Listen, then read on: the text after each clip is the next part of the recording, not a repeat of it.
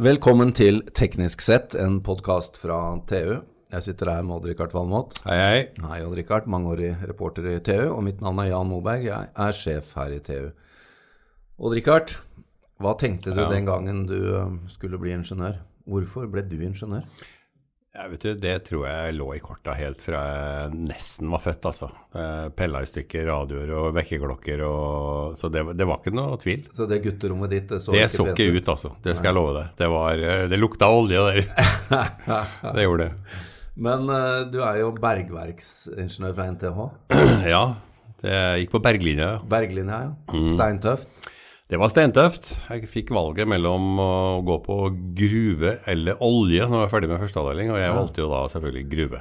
Ja, det var jo smart. Godt det, da. Så endte du opp her hos oss. Hvis ikke Det- så hadde du vært eh, i en eller annen oljerelatert virksomhet. Ja, jeg har vært en eh, meget velstående kar, førtidspensjonert. Men nå skal du høre. Nå går det noen rykter om at eh, noen avbefaler ungdommen å bli teknologer eller ingeniører. Og det kan vi ikke ha noe av. Nei, det, det er faktisk ganske ille. Det er, det er vel, altså når jeg ser inn i krystallkula mi, så ser jeg at eh, det er et av de yrkene som kommer til å vare lengst. Og for at eh, lytterne skal skjønne at her er det substans i podkasten i dag, og ikke bare du og jeg som sitter og mener dette, så har vi fått med oss en gjest. Vi har fått med oss president og ingeniør eh, Trond Markussen, NITO. Velkommen, Trond. Takk, takk. Er du enig med Odd-Rikard og meg om at det er fremtid å være ingeniør og teknolog? Ja, absolutt. Odd Rikard, du snakka om eh, ingeniører i forhold til petroleum.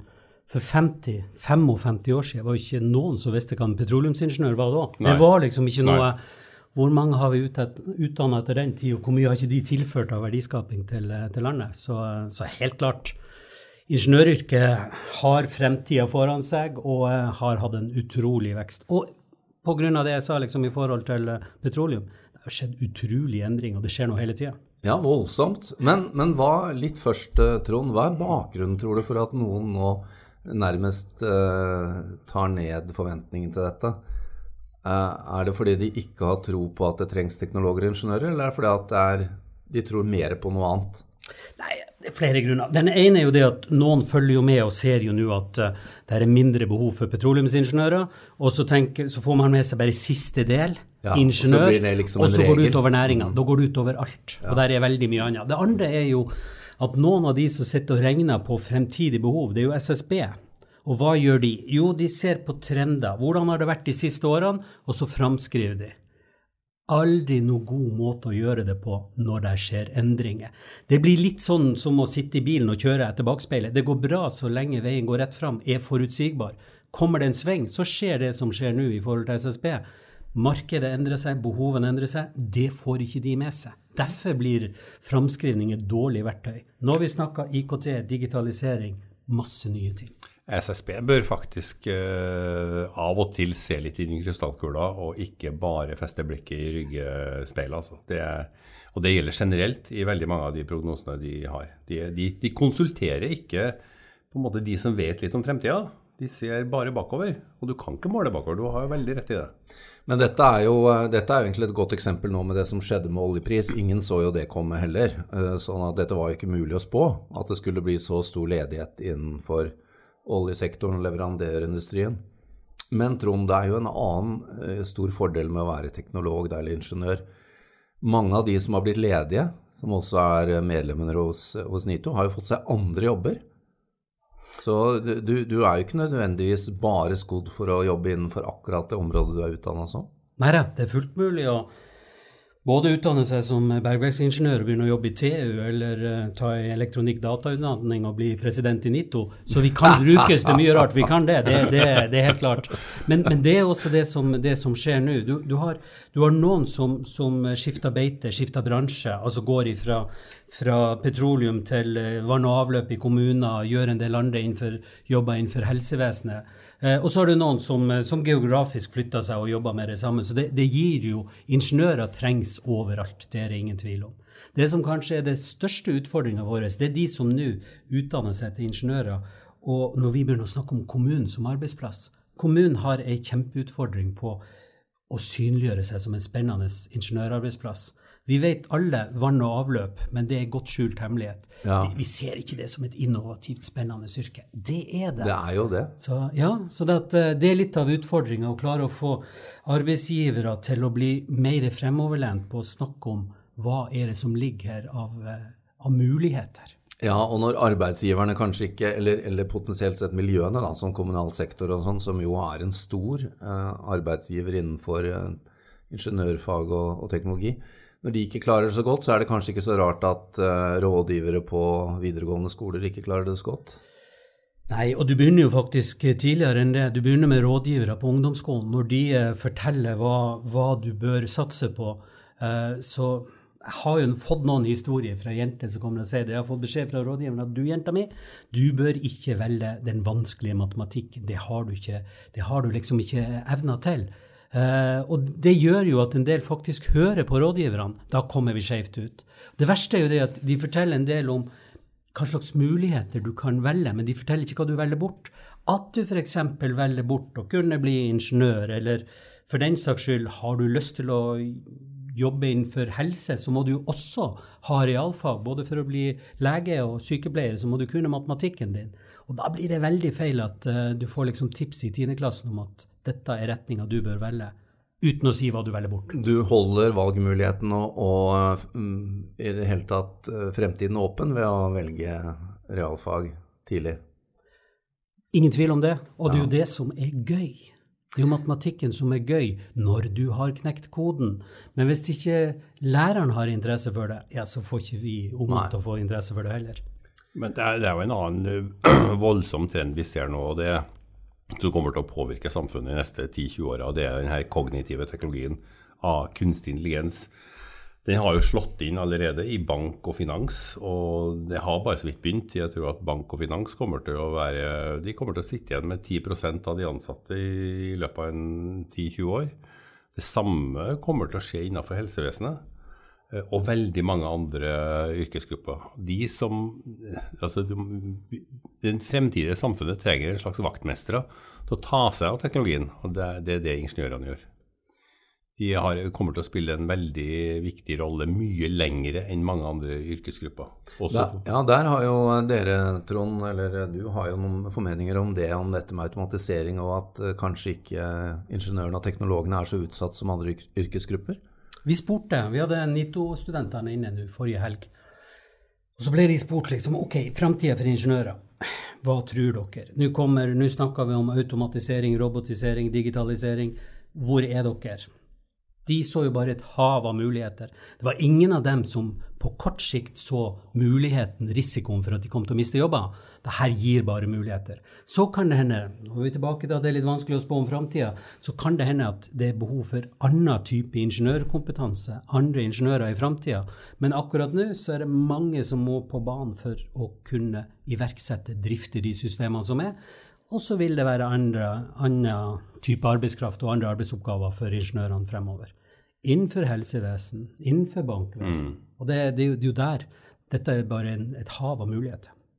Ja, og det blir vel også litt feil å tenke på uh, gårsdagens teknologingeniør som morgendagens også. Er, utdannelsene endrer seg jo også, programmene, og uh, som du sier, blir jo infiltrert i stadig flere områder av samfunnet. Der setter du fingeren på noe viktig.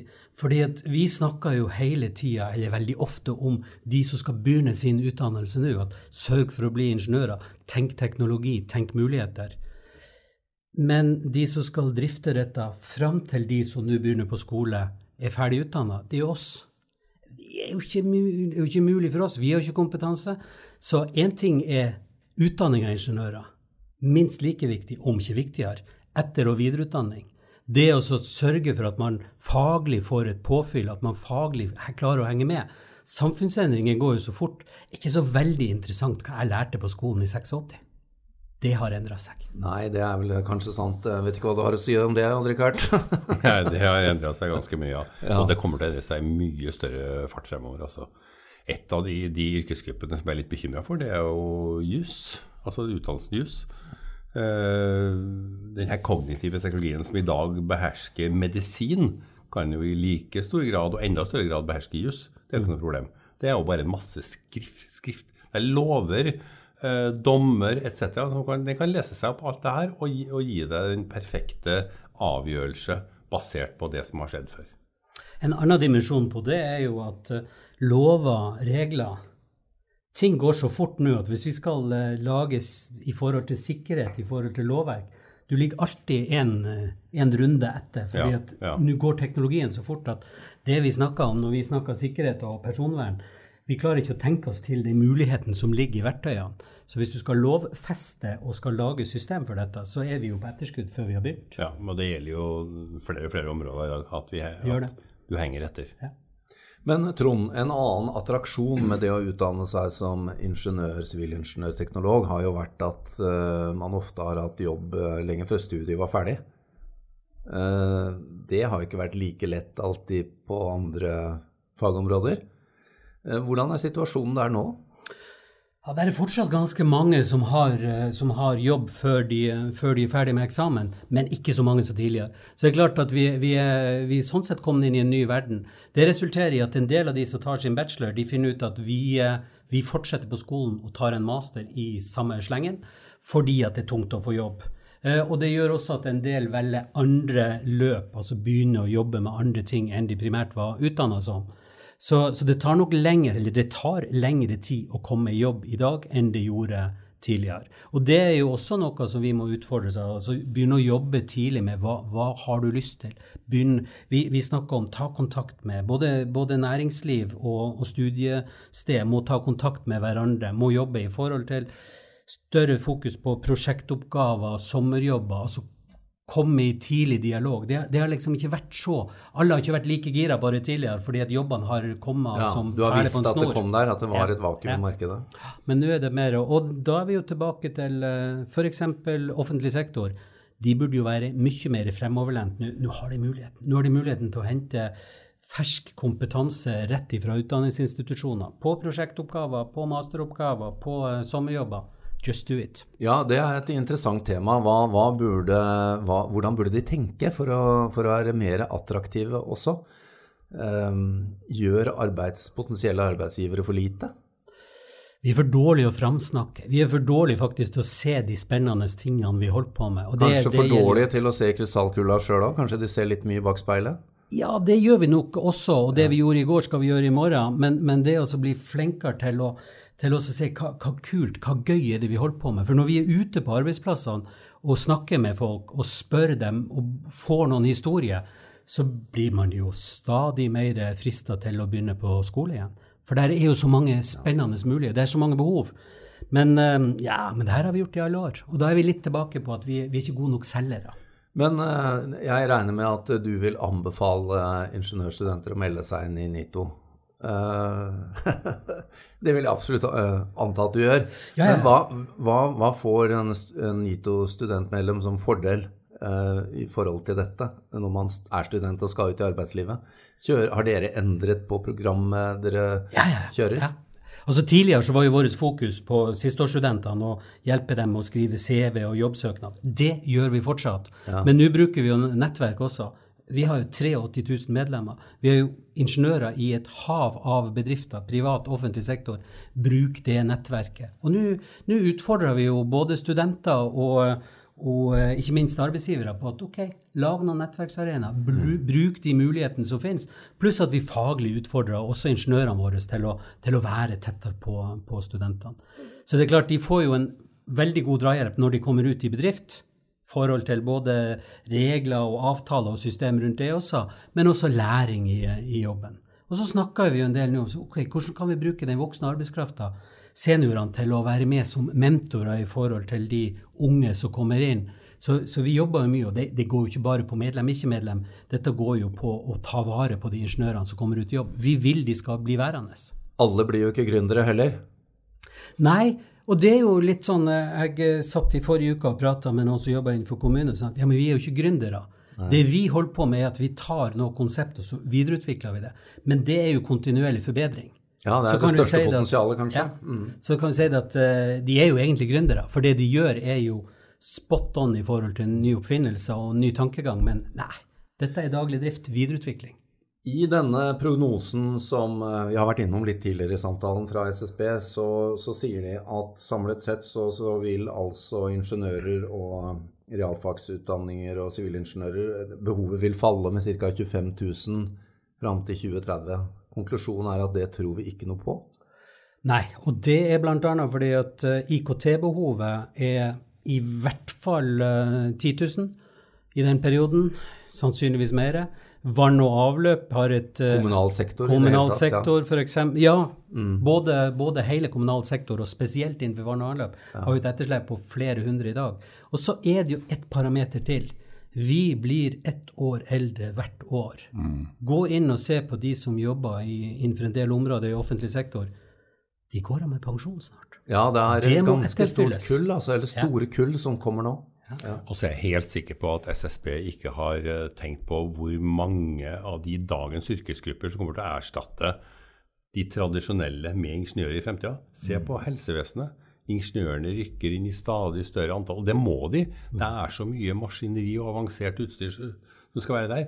Og det, det er ikke legene som skal operere det, det er ingeniørene. Og det er Rikshospitalet et godt eksempel. De har haugevis av ingeniører der oppe trekker jo nærmere og nærmere eh, inn til operasjonsbordet, gjør jo det helt klart. Og, og det blir jo, et, blir et, samarbeid. Så tverrfaglighet mm. er jo også et viktig stikkord ja. oppi det her. Avslutningsvis, Trond. Hvis du, eh, det er litt vanskelig å tenke seg det, kanskje, men hvis du var, eh, skulle velge studieretning i dag, hva ville du valgt? Jeg ville faktisk ha vurdert å ta en tur til Tromsø og begynt på bachelor i droneteknologi. I droneteknologi? For der har du vært og sett. Der var jeg i forrige uke, og ja. det var nummeret før jeg søkte opptak. ja. Og Rikard, det var en utfordring. Hva ville du gjort? Jeg tror faktisk jeg hadde, det hadde nå blitt noe med elektronikk den gangen her. Eller bioteknologi. Ja. En av de to. Det er kanskje begge. Så dere, kjære lyttere, dommen er entydig. Det er bare å satse på teknologi og ingeniørfag. Definitivt.